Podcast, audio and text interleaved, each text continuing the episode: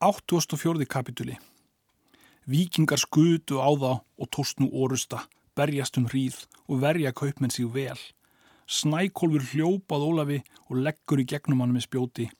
Grímur leggur til snækólspjóti og svo fast að hann fjall útbyrðis.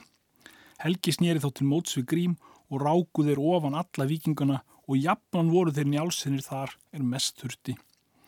Víkingar kölluðu og báðu kaupmenn uppgefast, þeir sögðu að þeir myndu aldrei uppgefast. Í þessu var þeim litið til hafs. Sjáðir þar fara skip sunnan fyrir nesið og voru eigi færre en tíu. Þeir róa mikinn og stefna þangað. Er þar skjöldur við skjöld, en á því skipi er fyrst fór stóð maður við siglu. Sá var í silkitreyju og hafði gildan hjálm, en hárið bæði mikið og fagurt. Sá maður hafði spjót gullreikið í hendi. Hann spurði, hverjir eigu hér leik svo ójafnan? Helgi nefndi sig og sagði að í móti voru þeir grjótgarður og snækólfur. En hverjir eru stýrimenn, sagðan. Helgi svaraði, sá heitir Bárður Svarti er lifir, en annar er látin, er Ólafur hétt, en bróður minn heitir Grímur, er mér fylgir. Eru þið íslenskir menn, segir hann. Svo er víst, segir Helgi. Hann spurði hvað sínir þeir væru, þeir sögðu. Þá kannaðist hann við og mælti. Nafnfrægir eru þér feðgar. Hver ert þú, segir Helgi. Kári heiti ég og emeg Sölmundarsson. Hvaðan komstu að, segir Helgi. Úr suðuregjum, segir Kári. Þá ert þú vel að komin, segir Helgi, ef þú vilt veita oss nokkuð. Veita slíkt sem þér þurfuð, segir Kári, eða hvers beigðist þér. Veita þeim atlugu, segir Helgi. Kári sagði að svo skildi vera. Lögðu þeir þá að þeim og tóstar þá barda í annarsinn. En er þeir hafa barist nokkar hríð hleypur Kári upp á skip til Snækóls, hann snýr í mótónum og heggur þegar til hans. Kári hleypur yfir slá eina, er lágum þvert skipið, aftur öfugur, Snækólfur heggur í slána svo að fal báða ekteinina sversins. Kári heggur til hans og kom sverðið á aukslina og varð höggi svo mikið að hann klauð frá ofan höndina og hafði Snækólfur þegar bana. Grjótgarður skaut spjóti til Kára, Kári sáða og hljópi loft upp en spjótið misti hans. Í því voru þeir Helgi og Grímur komni til móts við Kára, leipur þá Helgi að grjótgarði og leggur sverði í gegnum hann og varð það hans bani. Gangaðir þá um skip öll, menn byggja sér griða. Gáður þá grið öllum en tóku fjö allt. Eftir það leggjaði skipin öll út undir eigjar. 850 kapitúli Sigurdur hétt Jarl er réð fyrir orknegjum. Hann var Hlöðvisson, Þorfinnssonar Hausakljúfs, Torveinarssonar, Röggvaldssonar Jarls af Mæri, Eisteinssonar Glumru. Kári var hirmaður Sigurdar Jarls og hafði tekið skatt af eigunum af Gilla Jarli. Kári byggðu nú fara til Rossegjar og sagði að Sigurdur Jarl myndi taka vel við þeim. Þeir þáuða og fóru með Kára og komu til Rossegjar. Kári fylgir þeim á fund Jarls og segir hverjir menn þeir voru. Hversu komu þeir, segir Jarl, á þinn fund? Kári svarar, ég fann þá í Skotlandsfjörðum og börðust þeir við sónu Moldans og vörðust þeir svo vel að þeir urpu sér í meðal viðana, jafnan og voru þar jafnan sem mest þurftu. Vil ég nú byggja þeim hirðvistar? Því skal þú ráða, segir Jarl, tekist hefur þú svo mikið á hendur við og áður. Þeir voru þá með jarlum veturinn og voru vel virðir. Helgi var hljóður er áleið. Jarl þóttist eigi vita hví það myndi sæta og spurði hví hann væri hljóður eða hvort um þætti það eigi gott. Gott þykir mér hér, segir Helgi. Hvað hugsar þú þá, segir Jarl. Egu þér nokkurs ríkis að gæta, segir Helgi, á Skotlandi. Svo mun á stíkja, segir Jarl, eða hvað er að því? Helgi svarar, Skotar mun hafa tekið síslumann yðar af lífi og tekið njóstnir allar að engar skildu ganga yfir Pjallandsfjörð. Jarl mælti, ertu forspár maður? Helgi svarar, lítir það reynd. Auka skal ég sæmtína, segir Jarl, ef þetta er svo, ella mun þér gjaldað verða. Ekki er hann þess áttar maður, segir Kári, og mun hann satt til segja því að fadir hans er forspár. Síðan sendi Jarl menn sína suður til straumegar Arljóti síslumanni sínum. Eftir það sendi Arljótur menn suður yfir Pjettlandsfjörð og tóku þar njóstnir að hundi jarl og melsnati jarl höfðu tekið þá að lífi hávarði Þrasvík má Sigurðar Jarls. Sendi Arljótur þá orð Sigurði Jarli að hans geti koma suður með lið mikið að reka Jarla þess af ríkinu en þegar Jarl spurði þetta dró hann hér saman um allar eigjar. 87. kapituli Síðan fór Jarl suður með herin og var kári í förmiðunum og svo njálsinir. Þeir komu suður við Katanes. Jarl átti þessi ríki í Skotlandi, Ross og Mýræfi, Siðurlönd og Dali. Komu þar í mótið þeim skotar af þeim ríkjum og segja að Jarlanir væru þaðan skamt í braud með mikinn herr. Þá snýr Sigurður Jarl þangað herinum og heitir þar Dungalsk nýpa er fundurinn var fyrir ofan og löst í bardaga með þeim mikinn. Skotur höfðu látið fara sumtliði löst og kom það í opna skjöldu jarlsmönnum og var þar mannfall mikið þar til þeir njálsinni snýru í móti og börðust við á og komuðum á flotta. Verðu þó þó bardaginn harður. Snúa þeir helgi þá fram hjá merkjum jarls og berjast vel, nú snýr kári í móti melsnata jarli. Melsnati skaut spjóti til kára, kári skaut aftur spjótinu og í gegnum jarlin. Þá flýði hundi jarl en þeir ráku flóttan allt þar til þeirri spurðu til Melkóls að hann dró hér saman í Dungalsbæ. Átti jarl þá ráði menn sína og síndist að öllum ráð að snúa aftur og berjast eigi við svo mikinn land hér. Snýru þeir þá aftur. En er jarl kom í ströymei, skiptan þar herfangi, síðan fór hann orður til Hrossegjar. Njálsinnir fylldunum og kári. Jarl gerði þá visslu mikla og að þeirri visslu gaf Jarl kára sverð gott og spjóð gullreikið en helga gullring og skikju en grími skjöld og sverð. Eftir það gerðan þá hyrðmenn sína, grím og helga og þakkaði þeim framgöngu góða. Þeir voru með Jarlið þann vetur og um sumarið þar til að kári fór í hernað, þeir fóru með honum. Þeir herjuðu víð um sumarið og fengu kvarvetna sigur, þeir börðust við Guðröðu konungi í möan og sigruðan og fóru við það aftur og hafðu fengið mikið fíi. Voru þeir með jarlum veturinn og sátu þar í góðu yfirlæti.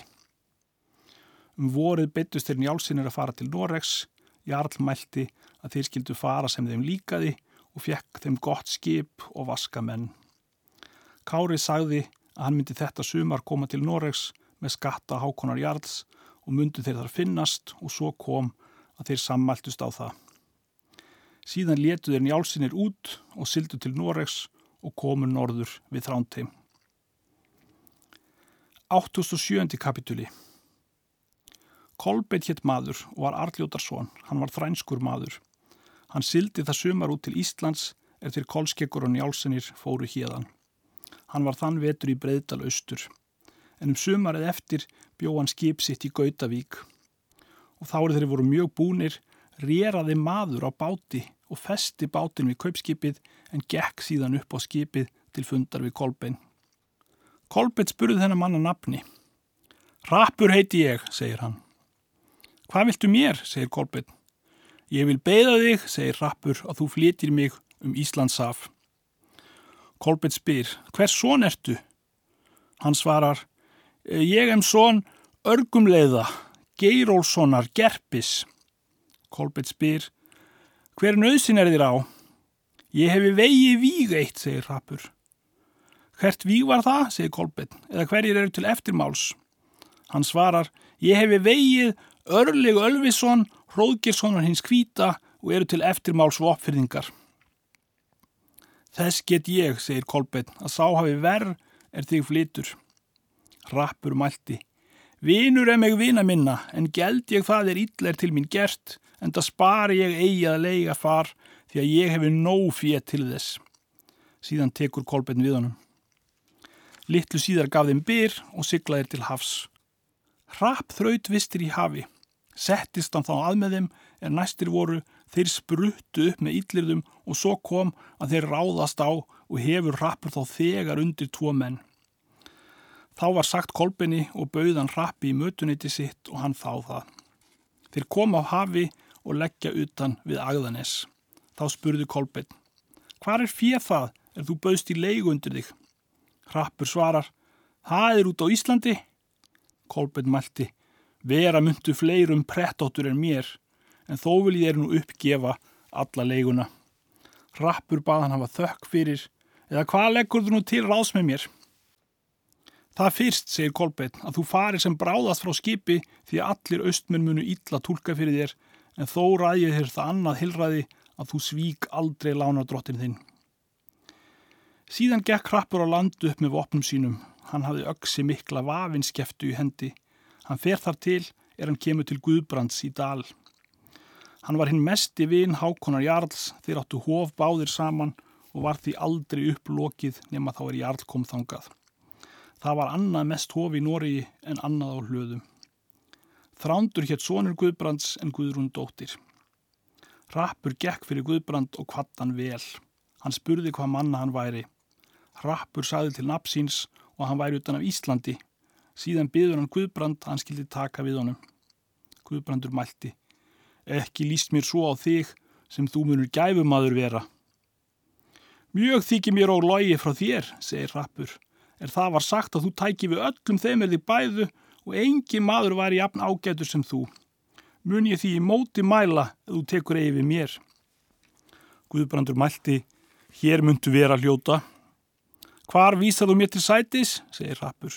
Á einn óaðri bekk, segir Guðbrandur, gengt öndvegi mínu.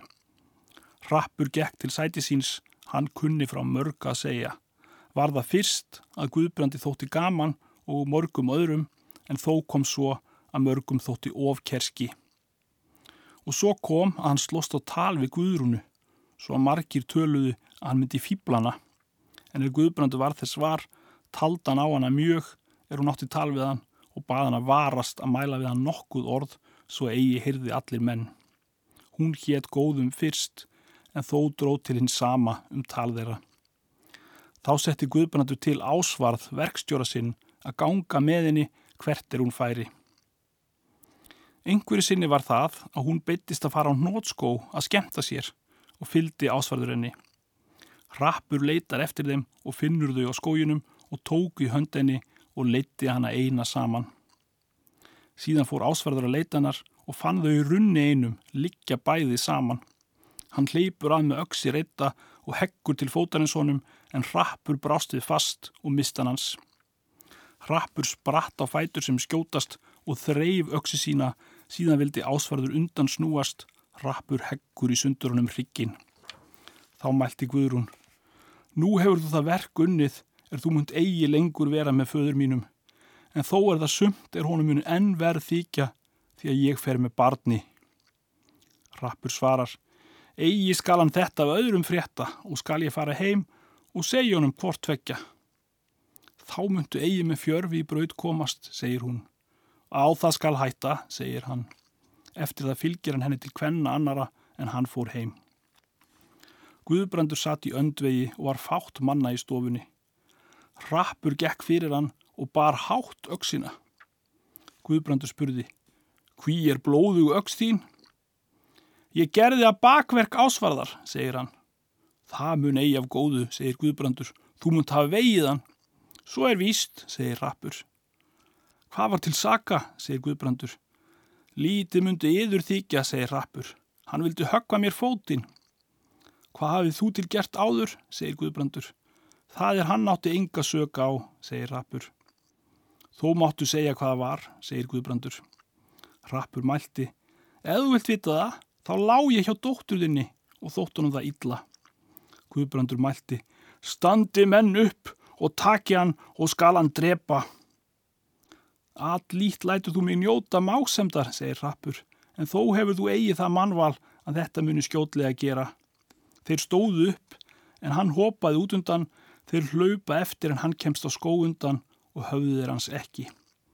Guðbrandur sapnar liði og lætur kanna skógin og finna þeir hann eigi því að skógurinn var mikill og þraungur. Rappur fyrir eftir skóginum þar til er rjóður nokkuð verðu fyrir honum. Þar fann hann húsabæ og mann úti og klauf skýð. Hann spurði hann manna nafni en hann nefndist Tófi. Tófi spurði að hans nafni og nefndist Rappur sem hann hétt. Rappur spyr hví bóndi byggi svo fjarrri öðrum mönnum. Því, saði hann, að ég þykjum sér líkt þurfa amast við aðra menn.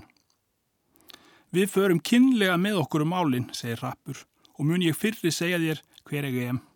Ég hefi verið með Guðbrandi í dölum og stökki þaðan fyrir það er ég hafi drepið verkstjóra hans.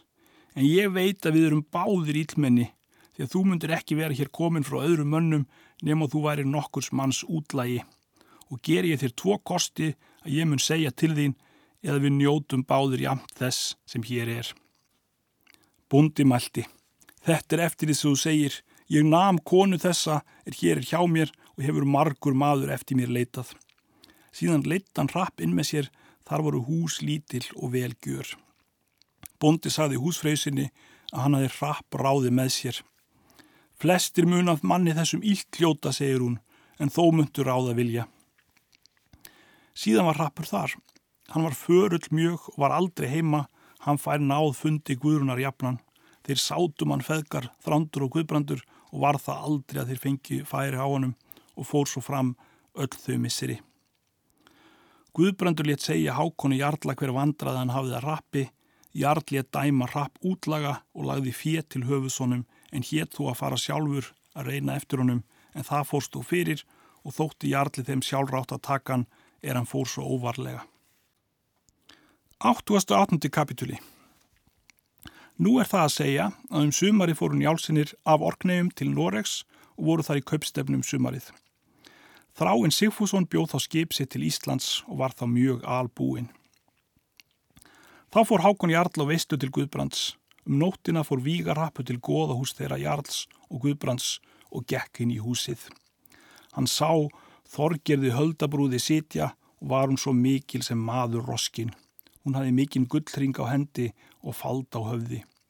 Hann sviftir faldunum hennar en tekur af henni gullringin. Þá sér hann kerru þors og tekur á honum annan ring. Hann tók inn þriðja af yrpu og dróðu öll út og tókaði um allan búningin síðan lagðan eld í goðahúsið og brendi upp. Eftir það gengur hann í braud, tók þá að morna. Hann gengur um Akurland nokkuðst, þar spruttu upp sex menn með vopnum og sækja þegar að honum en hann verst vel. Verða þeir málaliktir að hann vegur þrjá en særir þrán til ólífis en eldir tvo í skó svo þeir báru engan jórnsnjarli. Hann gekk þá að þrandi og mælti. Kosti á ég nú að vega þig og vil ég það eigi, skal ég meira virða við þig másemt en þér virði við mig. Rappur ætla nú að snúa aftur á skógin, sér hann að það eru kominir menn meðal skóarins og hans og þristist hann eigi þangað á að leita. Leggst hann þá niður í runna nokkra og liggur þar um stund. Þeir hákon Jarl og Guðbrandur ganga þennan morgun snemma til goðahúsins og fundu það brunnið upp en úti þrjú goðin og úr öllum skrúðanum. Þá tók Guðbrandur til orða. Mikill máttur er gefin goðum vorum er þau hafa gengið sjálf út úr eldinum. Egi munu goðin þessu valda, segir Jarl. Maður mun brent hafa hofið en borið út goðin en goðin hefna eigi alls þegar og mun sá maður braud rekir úr valhöllu og þar aldrei koma er þetta hefur gert. Í því byli hljópa þangað menn í alls fjórir og sögðu þeim illtíðindi hvaðust fundið hafa þrjá menn vegna á akrinum en særðan þrán til ólífis. Hver mun þessu valda, segir Jarl. Víga rappur, sögðu þeir. Þá mun hann brent hafa goðahúsið, segir Jarl. Þeim þóttan víst til þess líklegur. Hvar mun hann nú vera, sagði Jarl. Þeir sögðu að þrándur segði að hann hefði lagst niður í runna nokkra. Jarl fer þangað að leita og var rappur þá allur í brautu. Skipa þá Jarl til að leita hans og fundu þeir hann eigi. Jarl var sjálfur í leitinni og bað þá hvílast fyrst.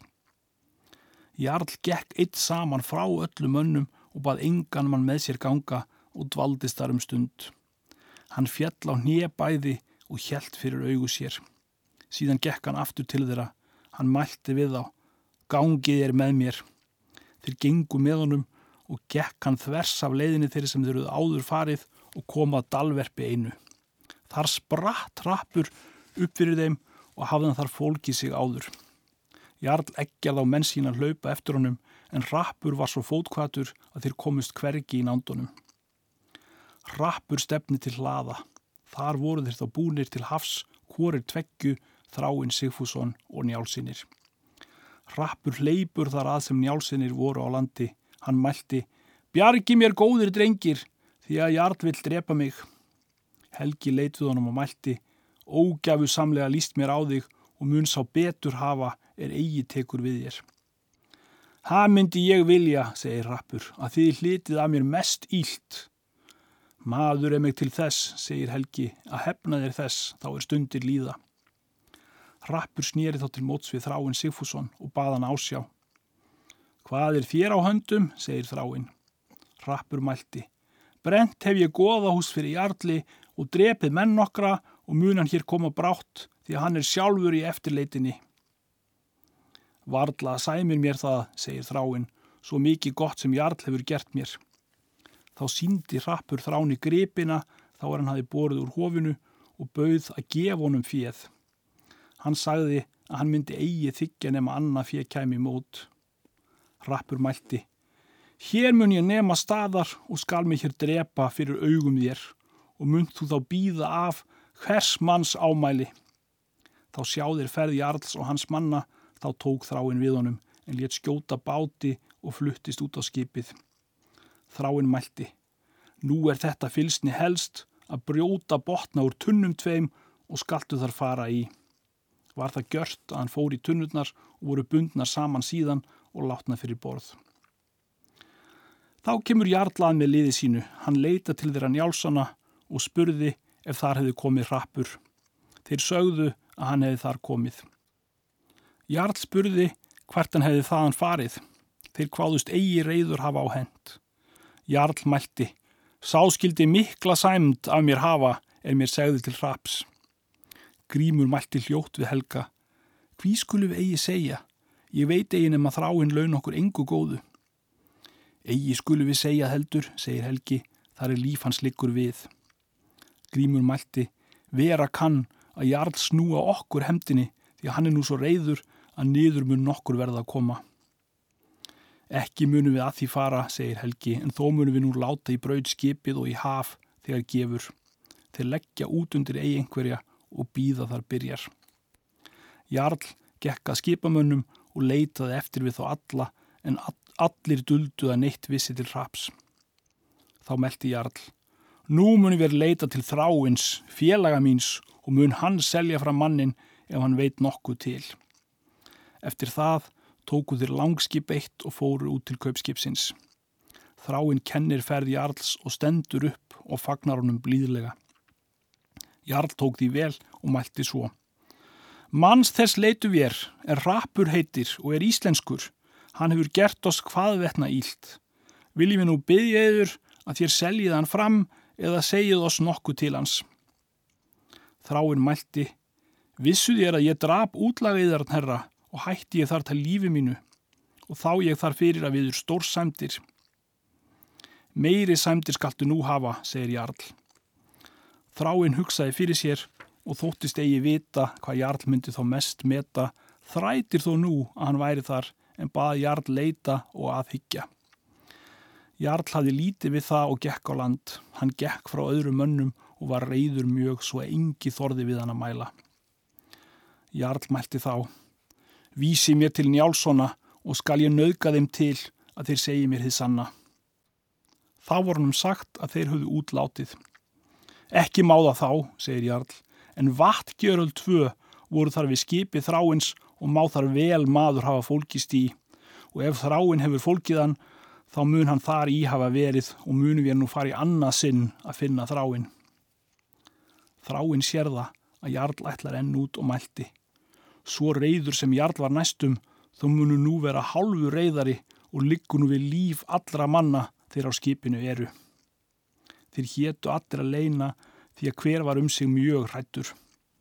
Þeir tóku sekki nokkar úr búlkanum en létur hrapp koma þar í staðin voru nú aðrir sekkir látnir á hann ofan þeir léttir voru. Nú kemur Jarl, er þeir höfðum hann búið. Þráinn kvatti vel Jarl, Jarl tók hveðju hans og ekki skjótt og sáu þeir að hann var reyður mjög. Jarl mælti til þráins, sel þú fram rapp, því ég, veit víst að þú hefur fólkið hann. Hvar mun ég hafa fólkið hann, herra, segir þráinn. Þér munum það kunnast, segir Jarl, en ef ég skal geta til, þá ætla ég að þú hefur fólkið hann áðan í keröldunum. Egi vildi ég, herra, segir þráinn, að þér vændu mig um líi, heldur vildi ég að þér leituð um skipið. Þá fór Jarl á skipið og leitaði og fann eigi. Berðu mig nú undan, segir þráinn. Fjarrri fer það, segir Jarl, en eigi finnum við hann og veit ég eigi hví sætir. Ég þykjumst allt sjá í gegnum, þá er ég kem á land, en þá ekki er ég kem hér. Lætur hann nú róa til lands með sig, hann var svo reyður að ekki mátti við hann mæla. Svitsónans var með honum. Hann mælti, undarlegt er það að láta óverða menn gjalda reyði sinnar. Jarl gekk þá enn einn frá öðrum önnum. Síðan gekk hann þegar aftur til þeirra, hann mælti, róum við enn út til þeirra. Þeir gerðu svo. Hvar mun hann fólkin hafa verið, segir Svein. Egi mun það nú skipta, segir Jarl, því að hann mun nú í brautu vera þaðan, en sekkir tveir lágu hjá búlkanum og mun hann hafa komið þar í staðin þeirra í búlkan. Þráinn tók til orða. Framhrindaðir Jarl enn skipinu og mun að ætla útinga til vor. Skulum við nú taka hann úr búlkanum og láta annað þar í staðin, en þó skulu sekkinir lausir. Þeir gerðu svo. Þá mælti þráinn, látu við rapp nú í seglið, þar er heflað upp við rána. Þeir gera svo. Jarl kemur nú útþangað, hann var þá reyður mjög og mælti. Viltu nú selja fram mannin þráinn og er nú verra en næstum. Þráinn segir, fyrir löngu seldi hann fram ef hann var í minni varðvislu. Eða hvar mun hann verið hafa? Í búlkanum, segir Jarl. Hví leitu er hann segið þar, segir þráinn. Egi komast það í hug, segir Jarl. Síðan leituð er hans um allt skipið og fundan eigi. Þá mælti þráinn. Vil ég mér nú undan bera, herra? Víst eigi, segir Jarl, því að ég veit að þú er fólki mannin þó ég finna hann eigi, en heldur vil ég að þú nýðist á mér en ég á þér, segir Jarl. Fór hann þá til lands. Nú þykjumst ég sjá, segir Jarl, að hann hefur fólkið rapp í seglinu. Þá kastað á byr og syldi þráinn til hafs. Hann mælti þá þetta er lengi hefur verið uppi haft síðan. Látum geisa gamminn, gerra þráinn væja. En er Jarl spurði hvað þráinn hafi mælt þá segir hann, eigi ber hér til óviska mín, heldur það samband þeirra er þeim dregur báðum til bana. Þráinn var skamma stund í hafi og kom til Íslands og fór heim til búsins. Rappur fór með honum og var með honum þau misseri en annað sumar fekk þráinn honum bú á rappstöðum og bjó rappur þar. Hann var þó lengstum að grjóta á. Hann þótti þar öllu spilla. Það mæltu sumir að vinn gott væri með þeim hallgerði og hann fíldi hana en sumir mæltu því í móti. Þráinn fekk skipið merði órækju frænda sínum sá mörður vó Ott Haldursson austur í Gautavíki beru fyrir því. Allir frændur þráins heldu hann fyrir höfðingja.